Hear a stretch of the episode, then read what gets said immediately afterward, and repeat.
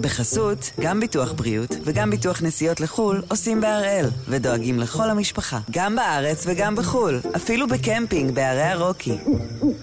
כן, גם שם, כפוף לתנאי הפוליסה וסייגיה ולהנחיות החיתום של החברה. היום יום רביעי, 19 במאי, ואנחנו אחד ביום, מבית N12.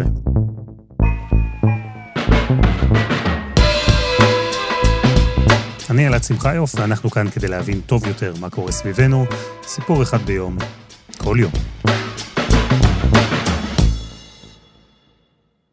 יגאל יהושע האמין בעיר לוד. הוא האמין בעיר לוד כשהיה מתקן את החשמל בבתים של התושבים. הוא האמין בעיר לוד כשנסע באוטו שלו, בין קריאה לקריאה, ברחובות. הוא האמין בעיר לוד, במה שהעיר מייצגת, גם כשנכנס לאוטו בשבוע שעבר ונסע הביתה. כל השכונה שלו מכירה אותו, הרבה תושבים, הרבה אנשי עסקים מכירים אותו, הוא עבד אצל כולם בחנויות שלהם. והוא חשב שאף פעם לא יפגעו בו, כי הוא היה כל כך מוכר בלוד, הוא אמר בבי לא יפגעו. כי כולם מכירים אותי, אני מסתובב בהרבה בתים של כל המגזרים. אבל העיר שיהושע האמין בה השתנתה. ובאותו ערב הוא נסע באוטו בגרסה אחרת לגמרי של לוד. פורעים ערבים זרקו לבנים לעברו, הם הכו אותו באכזריות. יגאל הספיק רק להגיע אל פתח הבית ולהתמוטט. שלשום הוא מת מפצעיו, ואתמול הובא למנוחות.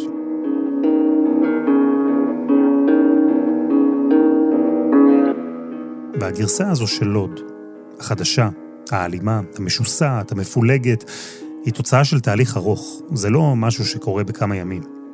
לפני עשור, כשהתהליך הזה עוד היה בעיצומו, הגיעו אל העיר אייל בלחסן ואורי רוזנבקס, ובמשך חמש שנים כמעט הם עבדו על סדרה דוקומנטרית, לוד בין ייאוש לתקווה. בסדרה הזו, ששודרה בהוט 8, אפשר לראות את לוד של יגאל יהושע.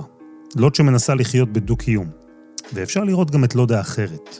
זו שברחובותיה הוא נרצח, שנים אחר כך, בלינץ' אכזרי. אז הפעם אנחנו עם שיחה עם היוצר הדוקומנטרי אורי רוזנבקס על הסיפור של לוד. זו של אז וזו של היום.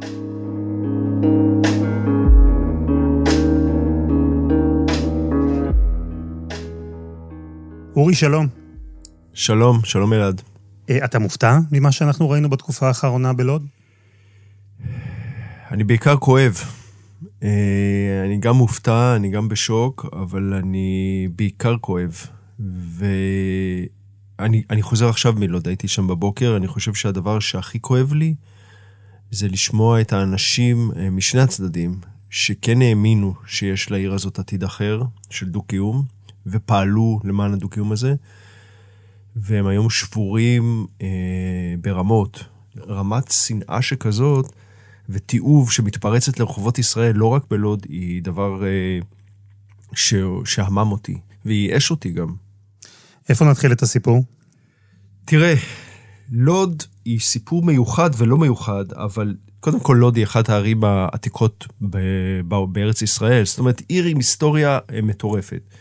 שהייתה עד 48 עיר מחוז חקלאית, שמכל האזור הגיעו לשם לבית הבד ו- ולשוק, והייתה עיר מאוד מפותחת עם אוכלוסייה נוצרית מאוד גדולה. ב-48, בהמשך לקרבות, הפלמ"ח, בשלב הראשון משה דיין כמג"ד נכנס וכובש את לוד, היא מוכנעת, אחרי זה נכנסת חטיבת יפתח. ואז נכנסים בטעות שלושה משוריינים של הליגיון הירדני לתוך העיר, מתפתחת מהומת אלוהים, מלחמה שבה נהרגים 200 מתושבי לוד, ואחרים אה, נטבחים בתוך מסגד דהמש. ואז יש את הסיפור הידוע שבאים רבין ויגאל אלון, שהיו מפקדי הפלמ"ח באזור, לבן גוריון ושואלים אותו, מה אנחנו עושים עם ערביי לוד ורמלה, 50 אלף איש? ובן גוריון עושה את תנועת היד המפורסמת, שהיא משתמעת, לא בדיוק יודעים, אבל הם הבינו שצריך לגרש אותם. ואז התחיל הגירוש, בערך עשרות אלפי אנשים שעשו את דרכם ברגל אה, לכיוון רמאללה, והעיר נותרת כמעט ריקה. כמעט ריקה מתושבים, למעט מספר משפחות שהצליחו להישאר, משפחות אה, מסוימות. ובעצם המציאות אחרי 48 לא דופכת כמעט כולה לעיר של מהגרים.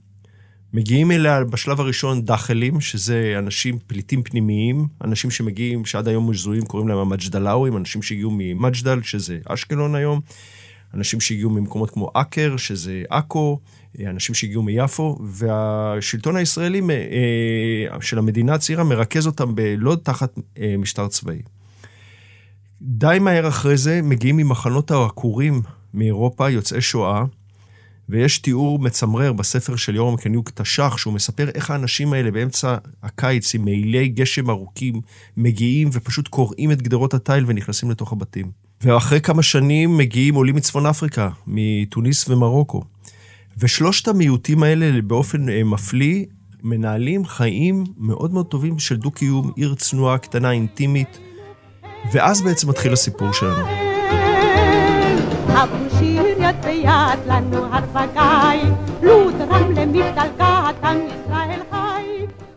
אז מארג מאוד אה, מגוון של אנשים, שוכן יחד בלוד.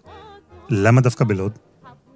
תראה, יש את הסיפור שהוא כלל ארצי, הוא נכון גם לרמלה, הוא נכון גם ליפו, הוא נכון גם לחיפה, של הנוכחים הנפקדים. זאת אומרת, כל ערבי שאו ברח או אה, גורש מביתו, הנכס, ביתו בדרך כלל, על פי רוב ב-48, הופקע על ידי המדינה, על ידי אפוטרופוס, הוצא מידיו, ואז שהגיעו אנשים ממחנות העקורים באירופה, היה צריך איפשהו לשים אותם, הגיעו גלי עלייה בשנה הראשונה, הכניסו אותם לתוך הבתים הריקים האלה, וזה קורה בכל, אין כמעט עיר אה, עברית או עיר ישראלית שזה לא קרה בה. אז זה דבר ראשון. גם הוקמה מעברה גדולה אה, בלוד, בשכונת הרכבת. חשוב גם לציין בעניין הזה ששכונת הרכבת המיתולוגית, היא הייתה בכלל, הבריטים ראו בלוד את העורף הלוגיסטי של המזרח התיכון כמעט, היה להם שם שדה תעופה, היה להם שם את הניקוז של הרשת אה, רכבות, והם בנו שם שכונה לעובדי הרכבת, שהיא הייתה שכונת הרכבת, שעד היום אם אתה בא, אתה יכול לראות שורה של קוטג'ים, כאילו שהעתיקו אותם מליברפול והביאו אותם לאמצע שכונת הרכבת, עם ערובות של אח.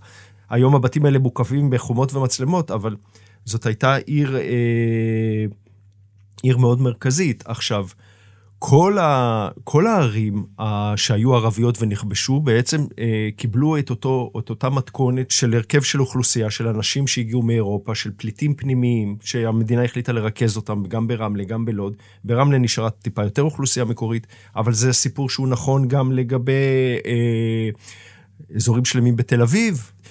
הסיפור הייחודי של לוד הוא מה שקרה אחרי זה בעצם, וזה גם אה, מתוך העובדה שהיא במרכז הארץ.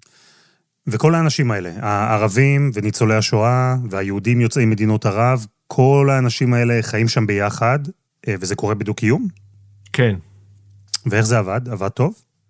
תראה, אני חושב שזאת, אה, אני פחות, אה, אני יכול להישען רק על סיפורים של אנשים. זאת עיר קטנה, צנועה, פריפריאלית. היה בה שכבה די מבוססת, מעמד בינוני של ציבור יהודי. כאילו, אה, האנשים שעבדו ברשות שדות התעופה, האנשים שעבדו בשדה התעופה, האנשים שעבדו בתעשייה אווירית, הרבה מהם חיו וגידלו את ילדיהם בלוד, בשכונות הצנועות, הכפריות, עם הגינות, לידם חיו ערבים. איכשהו הסכסוך הישראלי-ערבי, למעט חריגות קטנות, נותר מחוץ לעיר הזאת. והאוכלוסייה הערבית הייתה קטנה, הייתה אוכלוסייה אה, יותר אה, מדענית, זאת אומרת, אנשים יותר עירוניים, יותר אנשים שהגיעו. זאת הייתה עיר אחרת לחלוטין, שאנשים שאני מכיר מספרים עליה בערגה וברומנטיות. אחד לאחד, גם אז היו אה, מקרים וגם זה, אבל, אבל זה לא, גם אם היה איזשהו משהו, זה לא היה ברמה הפוליטית, וזה בטח שלא סחף את כל העיר. יש לנו היום את הפריבילגיה של אה, חוכמה בדיעבד, ואנחנו יודעים שהדו-קיום לא נשמר. מתי האיזון העדין הזה, שנשמר במשך שנים בעיר לוד, מתי הוא התחיל להתערער? אמצע שנות ה-60 קורים מספר דברים במקביל. מתחילים להקים ערים כמו מודיעין ושוהם, וברגע שמדינת ישראל הלכה והקימה את שוהם ומודיעין, כל האוכלוסייה, המעמד הבינוני, היהודי, המבוסס, שהוא חשוב לקיומה של עיר, עבר לשם. אתה עד היום, שאתה תבוא בימי שישי ללוד, אתה תלך בבתי הקפה, אתה תפגוש אנשים שבאים ביום שישי משוהם וממודיעין, באים לשבת בלוד, כי לוד בדם שלהם, אבל הם לא חיים שם. זה אחד הדברים. דבר שני שקורה, והוא מאוד מהותי, זה שבאותם שנים מתחילים להיחתם הסכמי אוסלו, וכמה שנים אחרי זה אנחנו גם מגיעים בהמשך להתנתקות. עכשיו, הפינויים האלה, הנסיגות האלה של ישראל, יוצרים בעיה של איך לטפל במשת"פים. זאת אומרת, אותם אנשים שחיו בשטחים, ביהודה ושומרון, משטחים שצה"ל נסוג מהם, שהם שיתפו פעולה עם השלטון הישראלי, צריכים להוציא אותם מהשטח. עכשיו, לאן יביאו אותם? מנסים להביא אותם לערים ערביות, התושבים הערבים בישראל שורפים להם את הבתים, הם לא מוכנים שהמשת"פים האלה יגורו איתם. ב- לרמת אביב בטח שלא יביאו אותם, וגם לא לרעננה. מה שנשאר זה הערים המעורבות. ולוד, שהיא יחסית אה, עיר חלשה, מקבלת כמויות של משת"פים. עכשיו, החבר'ה האלה, פעם מישהו בלוד אמר לי, משת"פ זה כמו עטלף. זה לא עכבר וזה לא ציפור.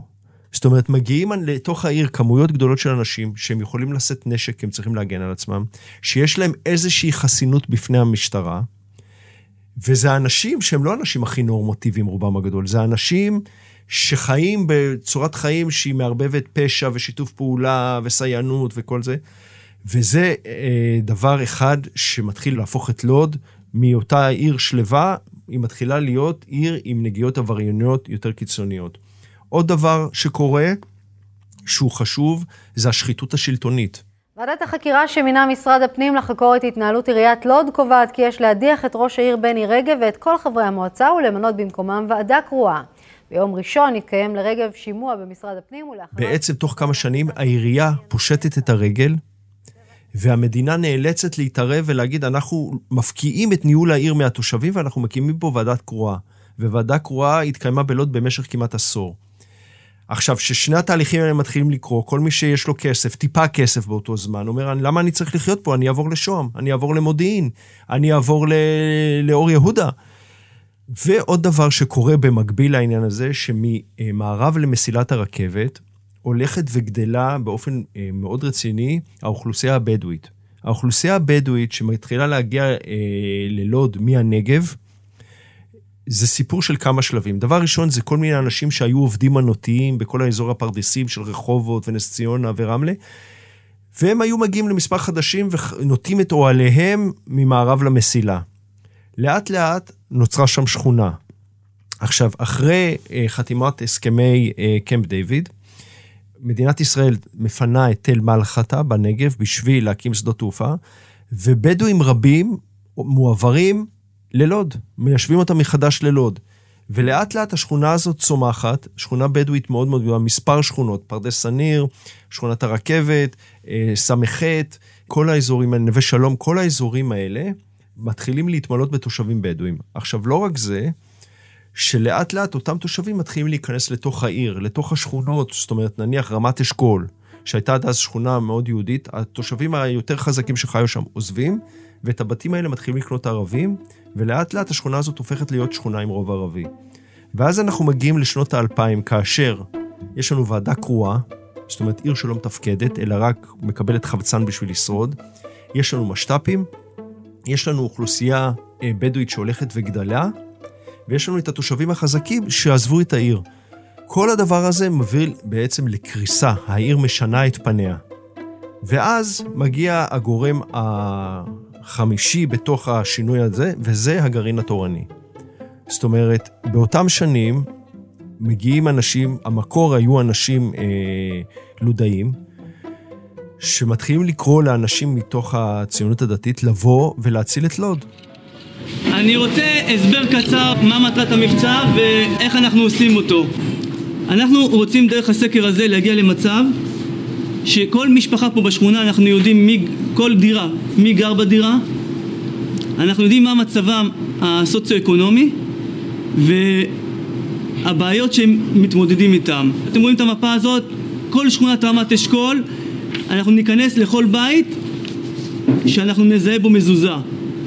אמנם אני אומר לכם מראש, לא לכל הבתים היהודים יש מזוזות, חלק מהבתים המזוזות נמצאות בתוך הדירה, לא על המשקוף, בגלל אה, חשש כל הזמן שגונבים להם את המזוזות. קרה ובטעות נכנסנו לבית ערבי, לא קרה כלום, סליחה, טעות, ממשיכים הלאה, לא נכנסים לפינות ומסבירים להם יותר מדי. בגדול, הם צריכים לראות שיש להם איזשהו עורף לנוכחות שלהם פה, שיש להם פה מישהו שלסמוך עליו. עכשיו, בסופו של דבר, האנשים האלה מגיעים והם מקבלים בעצם מה שהם רוצים. אחרי שהם מייצרים כוח וזה, הם מקבלים לבנות לעצמם שכונה בלב העיר. עכשיו, אני יודע שזה מאוד קל להשליך את כל מה שקורה בתוך לוד היום על הגרעין התורני. יש לי הרבה חברים בגרעין התורני, הם יודעים את דעותיי, אני לא מסתיר את דעותיי, שאני רחוק מהם אה, מבחינה פוליטית ואידיאולוגית, ולא מסכים עם הרבה דברים שהם עושים, אבל מצד שני, אני חייב לסייג שאותו יהודי קשיש שחי ברמת אשכול, בקומה רביעית, וסוכרתי, והוא פוחד לצאת מהבית כי יכול להיות שהשכנים שלו ירביצו לו, מי שמביא לו את התרופות ומי שמלווה אותו לקניות ודואג לו, זה חבר'ה מהגרעין התורני. זאת אומרת, אה, כל מיני שמאלנים ליברליים ממרכז הארץ לא יבואו לחיות בלוד, לא יעבירו את מרכז חייהם ללוד. מצד שני, אותם אנשים בגרעין התורני, יש להם אידיאולוגיה, והם לא מסתירים אותה, והאידיאולוגיה שלה היא אותה אידיאולוגיה שבגדול היא אידיאולוגיה של יהוד, היא אידיאולוגיה של תפיסת שטח, אה, אבל הם מציעים משהו מאוד אטרקטיבי לאנשים שבאים לשם. הם מציעים להם אה, דיור ברמה גבוהה, בסטנדרט אה, בנייה מאוד גבוה. עכשיו תחשוב, זה מרכז הארץ, בן אדם שחי בתוך ה... ברמת אלישיב בלוד, הוא חי בסטנדרט גבוה, הוא שילם פחות כסף על הדירה שלו בשלב הראשון, היום זה קצת שונה. יש לו את כל מוסדות החינוך, והוא חי במה שנקרא gated community. זאת אומרת, הוא חי בקהילה סגורה של מאות משפחות, וזאת ההתחלה של הגרעין התורני, שמהר מאוד הם הופכים לאליטה של לוד, ובעצם, למרות שהם חמישה אחוז מהאוכלוסייה, הם קובעי המדיניות. אז אנחנו נמצאים בשלב כזה בסיפור שבו העיר שינתה את פניה, וזה קורה אחרי עשורים של דו-קיום שהוא, נכון, לא נטול מתיחות ומחלוקות, אבל הוא עבד. ויש אוכלוסייה חזקה שעזבה. ויש אוכלוסייה חלשה יותר שנכנסה, ויש פשיעה, והעירייה נמצאת במשבר כלכלי על סף פשיטת רגל. ואיפה בתוך כל הסיפור הזה נמצאת המדינה? אה, מדינת ישראל עשתה משהו כדי לשפר את המצב? בערים האלה יהודים וערבים חיים יחד לא מתוך בחירה, אלא ככה דברים נעשו. זה לא יהודים עכשיו ליברלים שבאים מרמת אביב לחוג ערבית ביפו, או אנשים שנפגשים בהפגנות שמאל. אלה אנשים שעומדים ביחד בתור לארנונה ולעירייה ולמוסדות החינוך. ואם מדינת ישראל היה לה מספיק שכל היסטורית לטפח את המקומות האלה, להפוך אותם ליהלום שבכתר, את רמלה ויפו ועכו, האנשים שחיים שם היו יכולים להיות השגרירים הטובים ביותר של דו-קיום. במקום זה, המדינה בחרה להפוך את הערים האלה לחצר האחורית שלה. תשמע, אין, אין באמת, אין פה באמת חזון, אין פה באמת יד מכוונת. את ראש העיר הנוכחי, אני הייתי איתו בכנסת כאשר הוא נאבק ש... לשנות את הגזרה של לוד, שהייתה במצב אה, נוראי בסוף שנות, אה, שנות ה-90, החליטו להקים שם שכונה ענקית של חרדים, שזה שוב להעמיס על עיר שהיא ברמה סוציו-אקונומית מאוד נמוכה, אוכלוסייה שלמה שהיא נתמכת.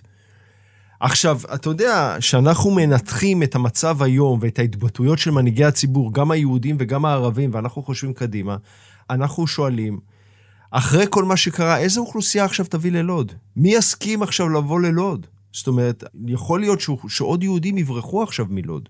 ככה שכל ההתנהלות הזאת לא, לא מקדמת כלום. זאת אומרת, אין שום חזון אה, כללי במדינה הזאת, וזה תקף גם לגבי לוד, וכל הפתרונות הם פתרונות אמצע. אה, ותקן אותי אם אני טועה, בדיוק בצומת הזה, ברגע שבו העיר משנה את פניה, אתם, כלומר, אתה ואייל בלחסן, מגיעים ללוד לעבוד על הסדרה הדוקומנטרית שלכם, על המצב בעיר. תראה, אנחנו הגענו ללוד, אני הייתי במשך uh, יותר מעשור במאי בעובדה של אילנה דיין, ואחת הכתבות שעשיתי הייתה כתבה על דריסת רכבות בלוד. זאת אומרת, שאנשים נדרסו על ידי הרכבת. כמובן ערבים, ואז אני מגיע לשכונת הרכבת, זה היה כמה שנים קודם, ואני רואה, זאת אומרת, באותו יום אחד שצילמתי בלוד, ראיתי שמול המצלמה מתרחשים דברים שמעולם לא ראיתי בשום מקום אחר. והרגשתי את הכוח של העיר הזאת, ש... שאני חושב שאם אני מסביר אותו בדיעבד, אני אומר שאנשים נמצאים במצב של אנרכיה, ושהם הרבה פעמים הם מנסים להגן על החיים שלהם או לשרוד, הם לא מתייחסים למצלמה, הם לא שמים לב למצלמה, ופשוט הדברים שראינו מול המצלמה, גם בסדרה עצמה, הם היו חסרי תקדים. עכשיו, ב-2011, בקיץ, הייתה שורת רציחות בלוד, ובנימין נתניהו, שכבר אז היה ראש ממשלה, בא ללוד ואמר, אנחנו נשקם את לוד. לפני uh, כמה שבועות uh, ביקרתי בעיר לוד. אמרתי שאנחנו איננו יכולים לתת לעיר להמשיך להידרדר ולהפוך למערב הפרוע בלב הארץ. אמרתי שנפעל כדי שהעיר תמשוך אליה תושבים חדשים, זוגות צעירים. ומאותו רגע אני התחלתי לשאול את עצמי, האם אפשר לשקם עיר? האם יכולים לשקם עיר? ומאותו רגע עניין אותנו לבוא לעשות, צירפתי אליי את אייל, שעבדנו הרבה קודם, בכל מיני דברים, ובאותו רגע ניסינו להיכנס. ואז יום אחד שמענו שמאיר ניצן, ראש העיר האגדי של אה, ראשון לציון, נענה לדרישת התושבים ולבקשת ראש הממשלה, והולך להיות ראש הוועדה הקרואה. התקשרנו אליו בערב, אמרנו לנו, שלום, אנחנו ככה וככה, אנחנו רוצים לעשות סדרה. הוא אמר, תגיעו אליי מחר בבוקר, ובעצם מאותו רגע התחלנו לעבוד. נכנסנו עם מאיר ניצן, בדקה הראשונה שהוא נכנס אל העיר, הגענו איתו. וככה התחיל הסיפור שלנו בעצם. מיום ראשון הכאבים של לוד גם שלי. ואני אעשה את כל מה שאני יכול, שלכם יכאב פחות, גם אם יכאב לי יותר. כי לא ייתכן שבמרחק 12 קילומטר מתל אביב תימצא עיר בנחיתות שכזאת. אם תל אביב פורחת, אין שום סיבה שלוד לא תפרח. ואיך אתם פוגשים את התושבים שם? אה, כשאנחנו מגיעים, אנחנו פוגשים אה, עיר מפורקת. אנחנו פוגשים עיר שהיא כל מחנה מכונס אה, בידי עצמו. יש יריות ברחובות. עם סיכום חדשות הבוקר הזה בפעם החמישית בחצי השנה האחרונה, רצח בלוד. אין כמעט קשר בין יהודים וערבים. אני אומר לך, כבוד ראש העיר, בעיר לוד אין דו-קיום. יש תחושת עושק אצלנו, יש תחושת אי-ודאות, יש תחושה שהשלטונות הם האויבים שלנו, לא השלטונות שלנו. אני אומר לך את זה בגלוי. אמנם אלה יכול להיות מילים קשות, אבל עדיף שאתה תשמע מילים קשות מאשר תראה בשטח וברחוב מעשים קשים. אני מעדיף לומר את המילים היום, לפני שיגיע יום וכולנו נצטער, כי כל הלחץ הזה שמצטבר במגזר הערבי, אני לא יודע לאן זה יוביל. תודה רבה לך. עיר שמצפה שמישהו יבוא ויגאל אותה. מה שכן יש, יש התאגדות אה, של תושבים, יהודים וערבים, שמנסים לחפש את השינוי. אותם אנשים שפונים למאיר ניצן ואומרים לו לבוא. אז יש איזושהי התאחדות של אנשים ש, שמאמינים בעיר, שלא מוכנים לוותר עליה, שלא מוכנים לעזוב אותה. יש משהו בעיר הזו שמהפנט אותך עם כל הקושי שסובב אותה, יש משהו באיזשהו חום אנושי שאין דבר כזה. אצלנו ככה כל הזמן אומרים שלוד נהייתה ככה בגלל שכל החזקים עזבו אותנו, כל החזקים היהודים, כי אנחנו הערבים לא עזבנו, כי אין לנו לאן ללכת, אה, בלוד נולדנו ואין כמעט ערבי אחד שעזב אותנו. איך מחזקים אותה, שזה מביאים מיהודים מבחוץ. וזה תמיד אני אומרת, לדעתי, כאילו כל הזמן אומרים בכותרות צריך לחזק את לוד ולהביא את האנשים החזקים. אני אומרת, צריך לחזק את לוד באנשים שנמצאים בתוכה. והגדולה של מאיר ניצן הייתה שהוא הבין שהתקומה של לוד היא תהיה רק על ידי חיבור היהודים והערבים ודו-קיום. ו, ומה שהוא ניסה לעשות זה אחרי הרבה שנים של ועדות קרואות ומשברים אדירים, זה להושיט יד לאוכלוסייה הערבית. לא רוצה לבוא ולומר, שמע, אני לא הייתי פה, אני לא אחראי. אני אחראי. כי אם אני היום כאן, אני נושא על גבי את כל האחריות הקודמת. ממשיך דרכם של אחרים שהיא פגעה בכם, ואני מבקש על זה סליחה. וצריך ללמוד לחיות ביחד. ואני מקווה שאני אזכה לשיתוף פעולה שלכם, כי אחרת לבד אני לא אצליח. כי אנחנו חיים באותה ארץ, ואנחנו כולנו, הארץ לא שייכת לנו, אנחנו שייכים לה, ובסוף כל אחד מאיתנו חוזר אליה. ואז באופן מסוים התחיל איזשהו מהפך של חזרה איטית לנורמליות, עם עליות ומורדות, אבל מאיר ניצן ביסס מחדש את הניסיונות לדו-קיום, ולאט לאט, מאוד מאוד בזהירות, מתחילים קשרים גם בין אנשי הגרעין התורני, חלקם לבין הערבים בעיר. ומתחילה הידברות, לא תמיד הכל קל, לא תמיד אה, הכל על אה, משרים, יש עליות ומרועדות. יש לנו את צוק אה, איתן אה, באמצע הסדרה.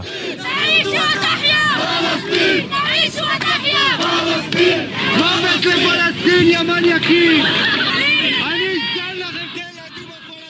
ובעצם אנחנו מסיימים את הסדרה אחרי צוק איתן, כאשר בצוק איתן יש התלקחות, אבל איכשהו העניינים שוכחים, איכשהו העניינים מתחילים לחזור לעצמם, ובשנים אחרי זה שאנחנו באים, אנחנו מגיעים לארוחות iftar, ואנחנו מגיעים למימונה, ולמימונות ולחתונות, ול... ואנחנו פוגשים את האנשים, ויש איזושהי תחושה לטוב ולרע שדברים מתפתחים.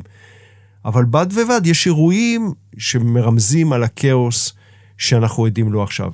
אחד הדברים המרכזיים, והוא לא רק אה, קשור ללוד, הוא קשור לכל החברה הערבית, זה ההתגברות המטורפת של גורמי הפשיעה והעבריינות בתוך העיר הזאת. הם תמיד היו קיימים, ובכל המגזר הערבי, לא רק בלוד, הם תמיד היו קיימים, אבל מה שקורה בשנים האחרונות, זאת אומרת, אני שמעתי תושב אה, יהודי אומר, הבת שלי מפחדת ללכת פה ברחוב, מטרידים אותה, אז אני יכול, אתה יכול לשמוע את זה גם מתושבים ערבים נורמטיביים שאומרים לך שהבת שלי מפחדת ללכת ברחוב.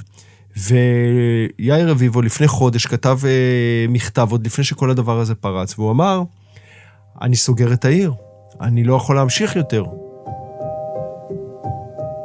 אז שיש לך עבריינות ופשיעה, ומצד שני חיכוך יומיומי בין תושבים, ומצד שלישי תסכול אדיר, למרות המאמצים ולמרות הפיתוח שהעירייה מנסה לעשות, כל הדברים האלה, כאשר מגיע הגפרור של אל-אקצא, הדברים מתפוצצים.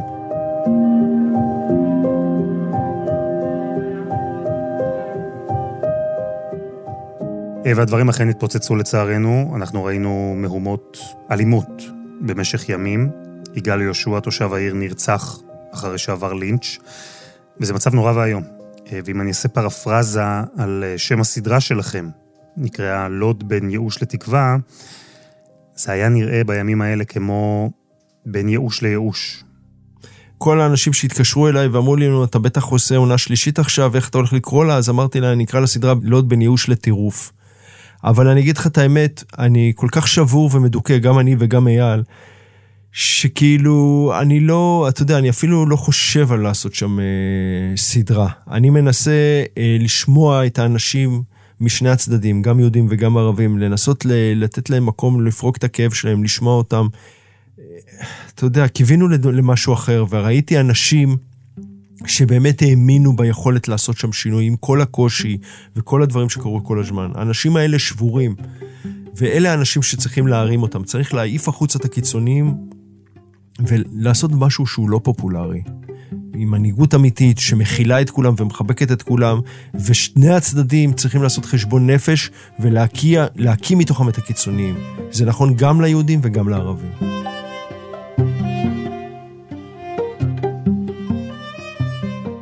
שנדע ימים טובים יותר, אה, בעיר לוד אה, ובכלל. תודה רבה, אורי. כולנו, כולנו. תודה לך, אלעד.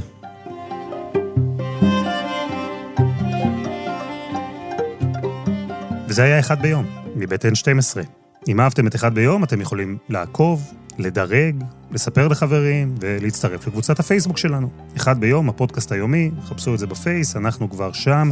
ורק נאמר שאת הסרט עיר בעין הסערה, שמורכב מקטעים מהסדרה שיצרו אורי ואייל בלחסן, אפשר למצוא ממש עכשיו ביוטיוב. העורך שלנו הוא רום אטיק, בצוות עדי חצרוני ודני נודלמן, על הסאונד יאיר בשן, ואני אלעד שמחיוף. זה היה שבוע קצר של אחד ביום, אז אנחנו נשתמע כאן שוב בשבוע הבא.